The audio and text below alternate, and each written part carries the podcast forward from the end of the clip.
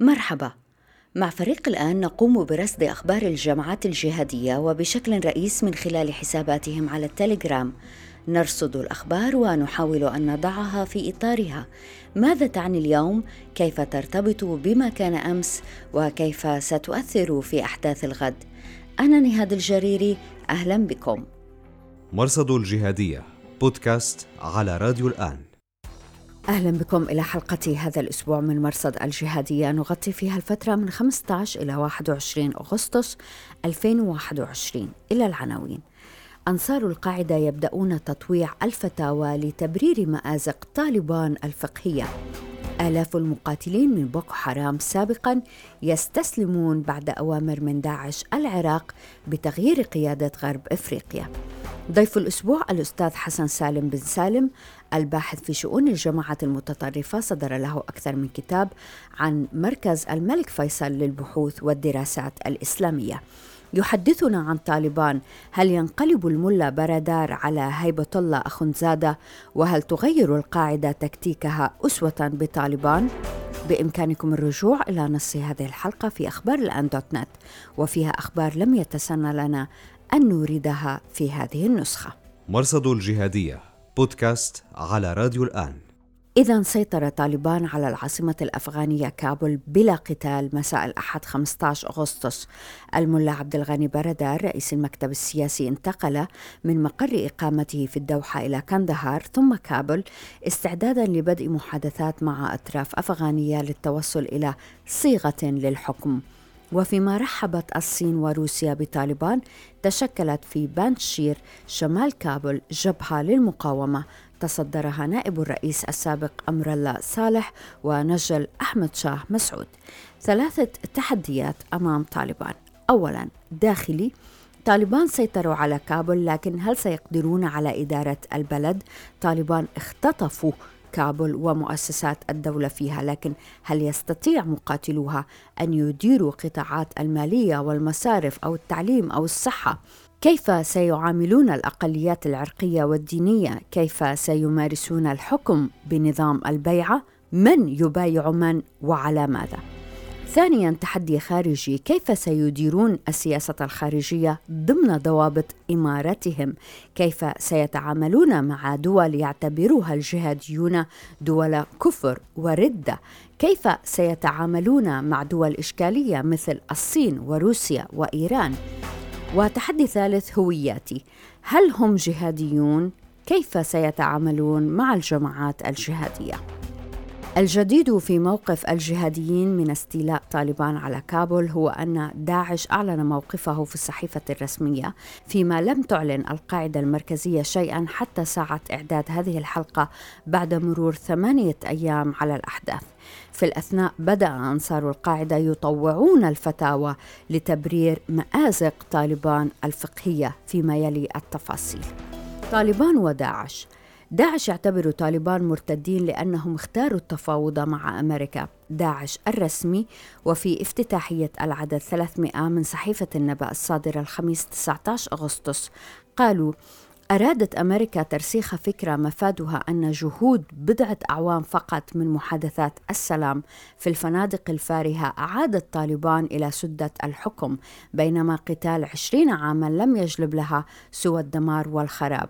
هذا نصر للمفاوضات لا للجهاد. وختموا أعلن قادة طالبان تحرير أفغانستان من داخل فنادق قطر التي تضم قاعدة العديد الأمريكية التي تنطلق منها الطائرات لقصف ديار المسلمين. أنصار داعش وصفوا طالبان بالطاغوت وقالوا الطاغوت الأول غادر والطاغوت الثاني تسلم الحكم والحكم واحد وإن غدا لناظره لقريب.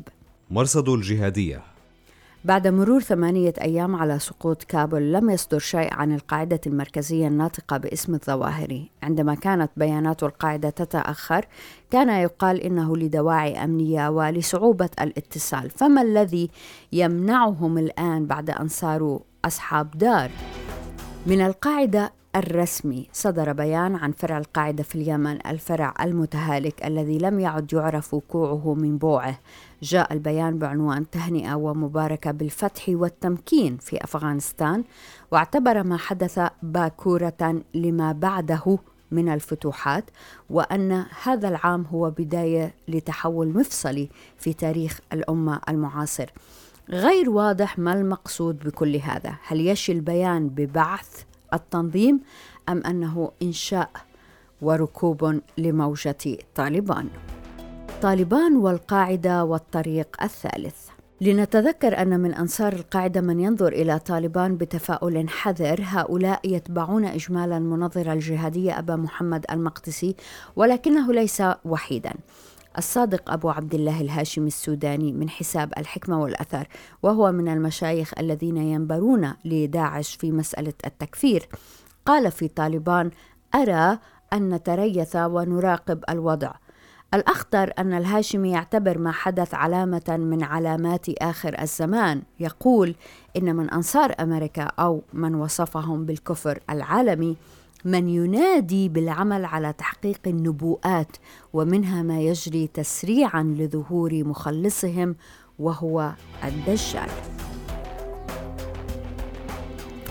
لفت هذا الأسبوع ما كتبه طارق عبد الحليم الذي يعيش في كندا وهو من حزب المقدسي على الأقل في المناكفات الأخيرة بين أنصار المقدسي وأبي قتادة الفلسطيني.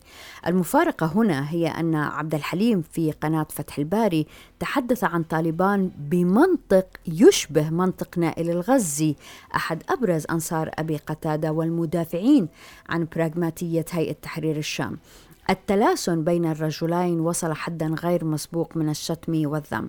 اولا لنتذكر ما يقوله الغزي. الغزي يمتدح السياسة الطالبانية الداخلية والخارجية ويعتبرها توفيرا لمساحة هادئة لترتيب الصف والبيت الداخلي.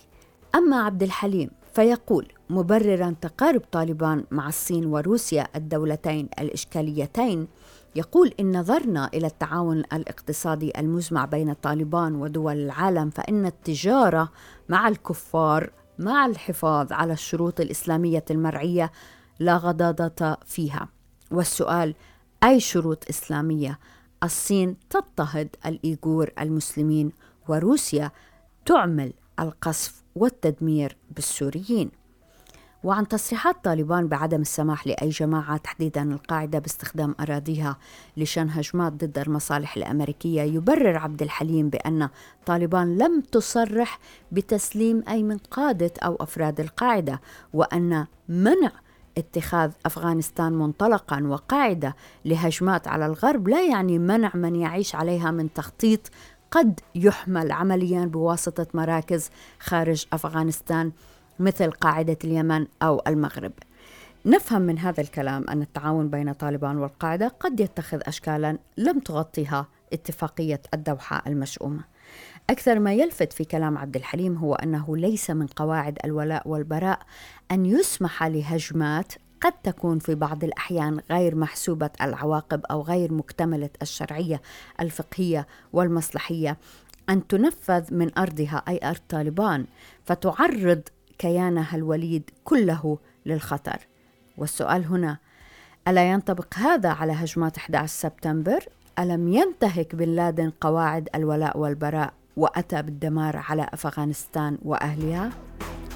هذه التناقضات وتطويع الفتاوى والمبررات لا تقوم الإعوجاج.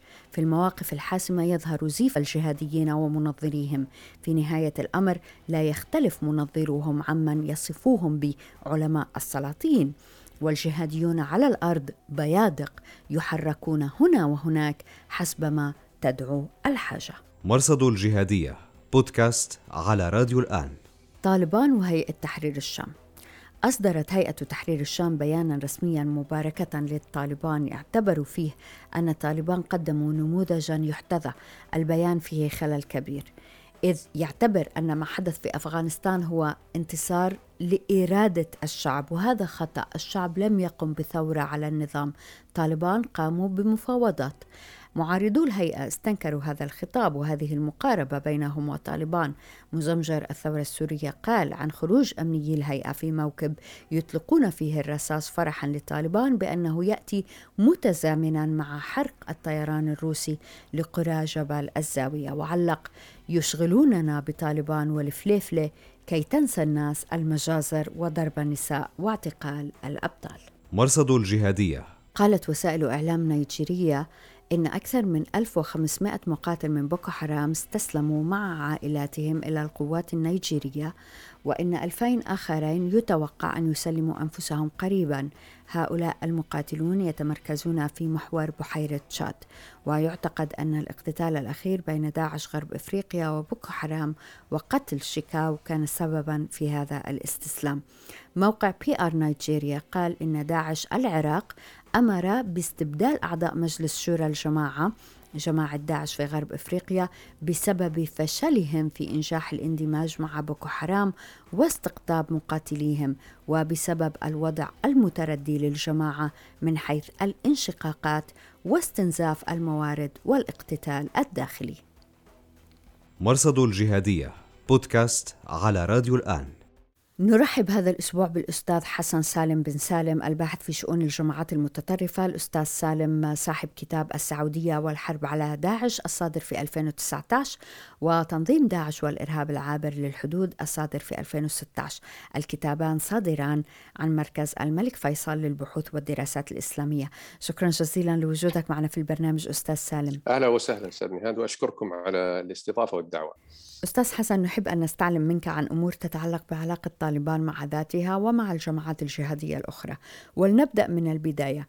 كل الجهاديين باستثناء داعش مبتهجون بما فعله طالبان ويعتبرونه نصرا لهم. حتى الآن لم يصدر شيء عن القاعدة الرسمية. طالبان حتى اليوم تصر على عدم وجود علاقة بينهم وبين القاعدة. هل لا يزال السؤال عن العلاقة مهم؟ هل لا يزال مشروع بعد كل اللي صار؟ آه هذا السؤال هو يشكل ركيزة أساسية طبعا في الاتفاق اللي جرى ما بين الولايات المتحدة وأفغانستان وحركة طالبان. آه ركيزة رئيسية يشكل عملية عدم قطع العلاقات مع حركة طالبان مع حركة مع منظمة القاعدة وعدم استخدام أفغانستان ضد أي دولة من الدول في عمليات خارجية. لكن هذا النفي المتزايد من القاع من حركة طالبان وقادتها سواء كان من قبل المتحدث الرسمي ذبيح الله مجاهد أو المتحدثين التابعين للمكتب السياسي محمد نعيم وغيره وأنتم استضفتم محمد نعيم في البرنامج وأكد إنه لا توجد بيعة ولا يوجد أي مقاتلين ولا توجد صله بتنظيم القاعدة. السؤال هذا سؤال مشروع للمجتمع الدولي ولدول الإقليم وللجميع أن يتساءل عن طبيعة العلاقة اللي تربط ما بين طالبان وما بين تنظيم القاعدة. هناك قلق مبرر في السنتين الأخيرة ظهرت على شكل عدة صور، يعني عندنا موضوع التقارير الصادرة من فريق الدعم التحليلي ورصد الجزاءات التابع للأمم المتحدة أكد في التقرير عام 2019 وعام 2020 في أكثر من هو يصدر تقريرين سنويا وجود علاقات مرتبطة ما بين تنظيم القاعدة وما بين طالبان. تقرير صدر عن الاستخبارات التابعة لوزاره الدفاع الأمريكية في عام 2020 أكد وجود صلات مشبوهة بين القاعدة وما بين طالبان. الخزانة الأمريكية. كل هذه إضافة إلى موضوع وقوع قتلى من قبل القاعدة. كان أبرز قيادات القاعدة التي وقعت يعني في مناطق تم قتلها في مناطق يعني تحت سيطرة طالبان وهو حسام عبد الرؤوف أبو محسن المصري. إضافة إلى زعيم القاعدة في شبه القارة الهندية عمر عاصم أيضا قتل كذلك في الأراضي التي تخضع لطالبان. كل هذه تثير الإشكالات فعليا عن حقيقة وطبيعة العلاقة بين طالبان وتنظيم القاعدة، لكن نحن لو رجعنا يعني في السياق التاريخي لهذه الطبيعة أو طبيعة العلاقة سواء كان بارتباط طالبان بخطاب الجهادية العالمية بشكل عام وبالقاعدة بشكل خاص. بعد السقوط وبعد 2001 بدأت العلاقة تتغير نوعا ما طبيعة الارتباط ما بين أفغانستان ما بين طالبان وما بين تنظيم القاعدة. مع بداية التمرد ظهرت جنوح تجاه الخطاب القاعدي تيار من طالبان في 2005 اقترب كثيرا من لغة الممارسات سواء اللغة الخطابية أو الممارسات التي كان يمارسها القاعدة وترأس ذلك الوقت كان الملا داد الله وهو كان اهم أهم القادة العسكريين في ذلك الوقت استنسخ تجربة الزرقاوي في العراق وبدأ بنقل تجارب العمليات الانتحارية وصدر عدد من الانتحاريين ونفذ عدد من العمليات الانتحارية. في تلك المرحلة أثارت تلك العمليات جدل في داخل طالبان حول مشروعيتها وحول تأثيرها وردود الفعل تجاه الحاضنة الشعبية لديها. وبالفعل آه، خلال عامين استطاعت آه، كبح الملا عمر استطاع كبح جماح الملا داد الله في إيقاف آه، تلك العمليات.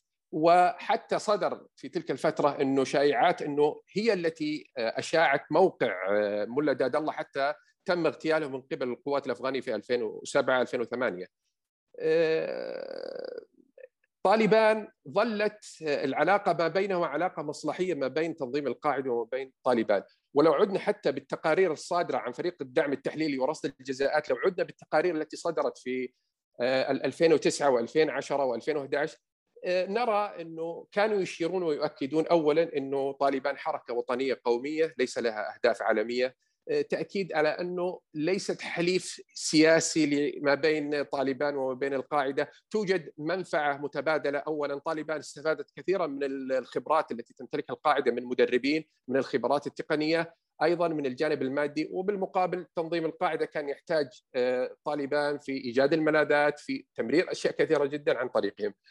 آه، ظل موضوع النفي موضوع النفي من قبل طالبان. هذا موضوع ليس بالحادث مؤخرا من عام 2010 تقريبا آه، تحدثت طالبان إنه لا توجد لدينا صلة بيننا وبين آه، القاعدة أو ارتباط عضوي بيننا وبين القاعدة. وأشار في احد التقارير أذكر آه، فريق الرصد التحليلي إنه الملا عمر هو لا يستطيع أن يوجه رسالة مباشرة لتنظيم القاعدة خاصة أنه هو الذي مكن للقاعدة بالوجود آه، في آه، عملية بعد عملية الحادي عشر بسبتمبر ولكن أشاروا إلى أن الرسالة التي كان يوجهها واضحة لتنظيم القاعدة أنه لم يعد مرحبا بوجودهم وبقائهم في آه، أفغانستان. أستاذ سالم أريد أن أستلهم مما قلته حضرتك وأسألك إلى أي درجة ترى أن ما فعله طالبان ربما يوفر نموذجا للقاعدة يختلف عن نموذجهم المتبع فيعني في الوقت اللي وسعت فيه القاعدة هجماتها لتشمل العدو البعيد فهدرت الموارد البشرية والمالية طالبان ركزوا على جغرافيا محدودة ما رأيك في هذا الكلام؟ هل تتوقع تغيير في تكتيك أنصار القاعدة بما يشي بالتخلي عن أيديولوجية أسامة بن لادن وتبني أيديولوجية طالبان؟ هو لا شك إنه الأيديولوجية اللي كان يتبناها أسامة بن لادن في عملية قتال العدو البعيد التي أسسها وحاول حتى كانوا المحيطين به من القياديين المصريين في عندما أسس تنظيم القاعده حاولوا التأثير عليه بتوجيهه إلى العدو القريب في مصر تحديدا بالنسبة لهم كانوا في ذلك الوقت أيمن الظواهري وأبو حفص المصري والمجموعة لكن كان التأثير أقوى من أسامة بن لادن على هؤلاء وأقنعهم بفكرة القتال البعيد. فكرة القتال البعيد آه، التي أسسها بن لادن آه، لم تعد مجدية، الآن أصبحت المنظمات الجهادية وخاصة بعد أن رأت اولا آه، تجربة للتمكين مع تنظيم داعش، تنظيم الدولة الإسلامية في العراق والشام، الدولة الإسلامية، رأوا تجربة التمكين، يعني من سماهم أيمن الظواهري في كتابه فرسان تحت راية النبي، لم يعد مشروع القاعدة الذي هو أنني أعد بعمليات نكائية في أمريكا أو المصالح الغربية ثم أترك الموضوع للتمكين أنه سيأتي وقت آخر للتمكين، بدأت تطمح إلى مسألة وقضية التمكين بعد أن رأتها واقعا. بالنسبة للجماعات المرتبطة بالقاعدة، عندنا أبرز مثال لعله الآن نحن نصرة الإسلام والمسلمين، جماعة نصرة الإسلام والمسلمين بقيادة إياد غالي هي قد تكون أقرب الجماعات المنتمية للقاعدة التي قد تبدأ فعليا أن تحذو حذو ما سلكه طالبان وهي فعليا بدأت. يعني الآن هي في الأشهر الماضية فتحت مجال التفاوض مع حكومة مالي، نحن نعرف أنه نصرة الإسلام والمسلمين تشكل من أربع آه، تحالفات جبهة أنصار الدين، حركة ماسينا، المرابطون وإمارة الصحراء وأعلنوا بيعتهم لتنظيم القاعدة فعليا.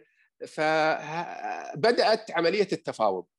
في مقابلهم أيضا بدأت تصريحات من إياد غالي أننا لا نريد استهداف فرنسا بعمليات داخل فرنسا وبدات توحي برسائل توجه رسائل للغرب أيضا أننا لا نستهدف الغرب. آه، مالي أيضا الحكومة المالية أبدت آه، موافقة على عملية التفاوض، فرنسا لا تزال عندها تحفظ في الدخول مع كل من له صلة بالدولة الإسلامية أو القاعدة في مجال التفاوض معه، لكن آه، بدأت عملية التفكير من قبل هؤلاء. بعملية التفاوض. شبه الفرع القاعدة في شبه جزيرة اليمن هو كان ينظر إليه في الأعوام السابقة إلى أنه قد يكون المعقل الجديد للقاعدة آه، كقيادة المركزية ولكن قاعدة اليمن لا شك أنها بعد وفاة بعد مقتل أبو بصير ناصر الوحيشي وبعده مقتل آه، قاسم الريمي أبو هريرة وتولي خد الرجل يعني لم يعد لم تعد مع طرف القاعدة. كما هي في شبه جزيرة اليمن باتت أشبه ما تكون مفككة لم يعد لها تأثير قد تمنح هي كذلك إلى عملية التفاوض والخروج من هذا المأزق التي هي تمر فيه الآن خصوصا قاعدة شبه الجزيرة في اليمن. لذلك أصبح آه، البرادايم هذا الذي سلكه طالبان قد يكون فعليا نعم قد يسلكه بعض الجماعات الأخرى التي حاولت تعزيز مكانتها في السنوات الماضية في السيطرة المكانية بأن تعود وأن تبدأ بالتفاوض لأن تنخرط فعليا في الحكومة التي تحكمها. أستاذ سالم لماذا الحديث عن أنس حقاني وشبكة حقاني مهم فيما يجري اليوم، مهم بالنسبة لعلاقة طالبان مع الجهاديين والقاعدة، ونحن نرى أنس حقاني يلتقي مع شخصيات وازنة في أفغانستان. شبكة حقاني من فعلا هي مثيرة للجدل في طبيعة العلاقة التي تربطها مباشرة بكبار القادة في القاعدة. تاريخيا ظلت آه، التواصل ما بين الشبكة آه، وما بين القاعدة. حتى أنه آه، التقارير الأممية تشير إلى أن شبكة حقاني هي في الفضاء لها يعني هي متواجدة في الفضاء الأوسع لتنظيم القاعدة. لا توجد تلك الصلة الروابط العضوية ما بينهما لكن يوجد يوجد آه، توافق كبير ما بينهما في الرؤى، يوجد توافق كثير ما بينهم في تنفيذ العمليات، آه، تنسيق جرى تنسيق في العمليات ما بين شبكة حقاني وما بين القاعدة وهناك يعني شواهد على ذلك. أنس حقاني هو الآن بعد خروجه والإفراج عنه من المعتقل هو ضمن المكتب السياسي والمكتب السياسي يدير عملية التفاوض بمعنى إنه آه، جلوسه مع عبد الله عبد الله آه، لشخصية مثل أنس حقاني لا شك إنه يثير الكثير من التساؤل. إن كان أنس حقاني قد ينتهج نهج برغماتي بخلاف الشبكة التي ينتهجها انتهجها سواء والده آه، جلال الدين حقاني أو شقيقه الأكبر الذي هو نائب الملا هبة الله خنزادي سراج الدين حقاني ومعروف إنه سراج الدين حقاني. كذلك هو على نهج والده في التشدد وليس من يعني من التيار المعتدل في رؤاه. لذلك إنه أنس حقاني قد انخراطه هو مجرد عملية آه، موازنات في الفريق السياسي. نحن الآن الفريق السياسي نعرف إنه قبل 2019 آه، أحدث هبة الله خنزاده تعديل في تشكيل الفريق السياسي بأن أضاف أسماء لموازنة آه، ما بين عدة آه، أطراف مهمة في داخل المنظمة. بمعنى إنه حرص هبه الله أن لا يكون الفريق السياسي أو المكتب السياسي ينفرد بتيار معين داخل الحركة آه، بتصوراته ورؤاه ويبقى تيارات أخرى مؤثرة داخل الحركة لا تشارك في اتخاذ القرار السياسي. فدخول أنس حقاني معبر عن شبكة حقاني ولكن قد لا يكون تأثيره بذلك التأثير لأنه المكتب يعمل أشبه ما يكون بتراتيبيه وعملية دخول يعني خاصة الملا برادر لما دخل وعاد في 2000 أخرج عنه وأدار المكتب السياسي بدأت الكفة يعني يشكلها برادر بشكل قوي في إدارة توجهات المكتب السياسي. بمناسبة الحديث عن المكتب السياسي والأجنحة أستاذ حسن كان لك ملاحظة آه، بالموضوع حول مستقبل طالبان أو أفغانستان الطالبانية هل نرى انقسامات في طالبان آه، أقصد المكتب السياسي الدبلوماسية والعسكريين المقاتلين والأمراء على الأرض؟ آه، هناك يعني مثل ما هو معروف عن المنظمات الجهادية ما إن تصل إلى السلطة إلا وتبدأ الانقسامات آه، الداخلية تظهر وتطفو على السطح. وهذا رايناه واضح في عدد من المنظمات الجهادية الأخرى.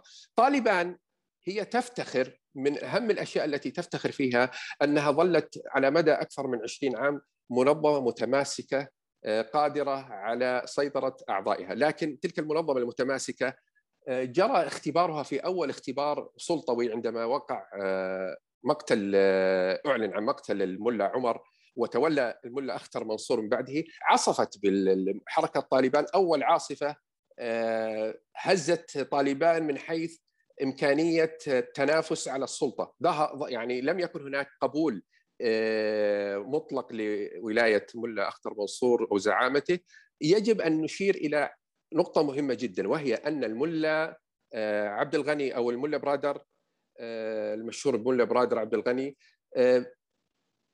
يعتبر هو الشخص الوحيد الآن تقريبا آه، المتبقي من الشركاء المؤسسين لحركة طالبان مع الملا عمر، لم يعد يتبقى أحد من ممن أسسوا الحركة سوى الملا عبد الغني برادر.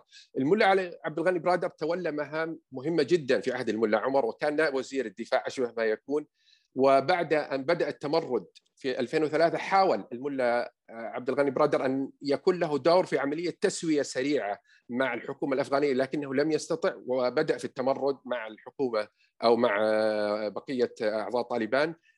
عينه الملا عمر نائبا له مع عبيد الله الملا عبيد الله كان نائب ثاني له. آه، بعد مقتل الملا عبيد الله في 2007 تولى الملا برادر قيادة طالبان أشبه ما يكون بعد أن ابتعد الملا عمر عن القيادة الفعلية وتولى الملا برادر قياده قيادة الحركة وأصدر اللائحة ومدونة السلوك وهذه من أهم الأشياء لأنه الملا برادر يشار إليه داخل الحركة أنه رجل صاحب استراتيجيات ورجل سياسي وعسكري في نفس الوقت لأنه قاد عمليات عسكرية مهمة جدا. فأسس آه، بنى البناء الهيكلي في ذلك الوقت أسسه برادر لكن جرى اعتقاله بعد ذلك في 2010 آه، من قبل باكستان.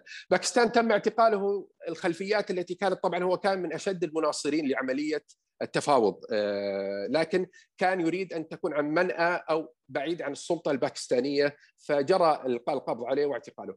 لما 2018 آه، جرى بضغط أمريكي وبضغط أيضا من الحكومة الأفغانية كرزاي في عهده حاول في أكثر من مرة الضغط على الحكومة الباكستانية في الإفراج عن الملا برادر لأنه كان من أكثر الشخصيات ذات النفوذ والقادر على التأثير داخل حركه طالبان في عملية التفاوض.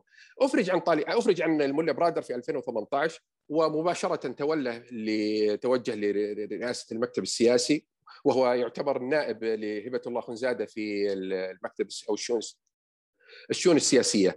هبة الله الملا برادر الآن الأنظار تتجه منذ أن تولى المكتب تتجه كثير من الأنظار داخل طالبان هو كان الأحق آه، إن رأينا أنه بالزعامة آه، كخليفة للملا عمر كان لو كان لم يكن معتقلا كان هو الأحق بالزعامة. آه، له دور تاريخي داخل الحركة. مكانته الاستراتيجية مكانته السياسية والعسكرية كلها تصب في مصب بالنسبة للملا برادر أن يكون له دور كبير جدا في المستقبل القريب داخل حركة طالبان. الأستاذ حسن سالم بن سالم شكرا جزيلا لوجودك معنا. شكرا جزيلا. وشكرا جزيلا لوجودكم معنا في راديو وتلفزيون الآن. أنا نهاد الشريري مع السلامة. مرصد الجهادية بودكاست على راديو الآن.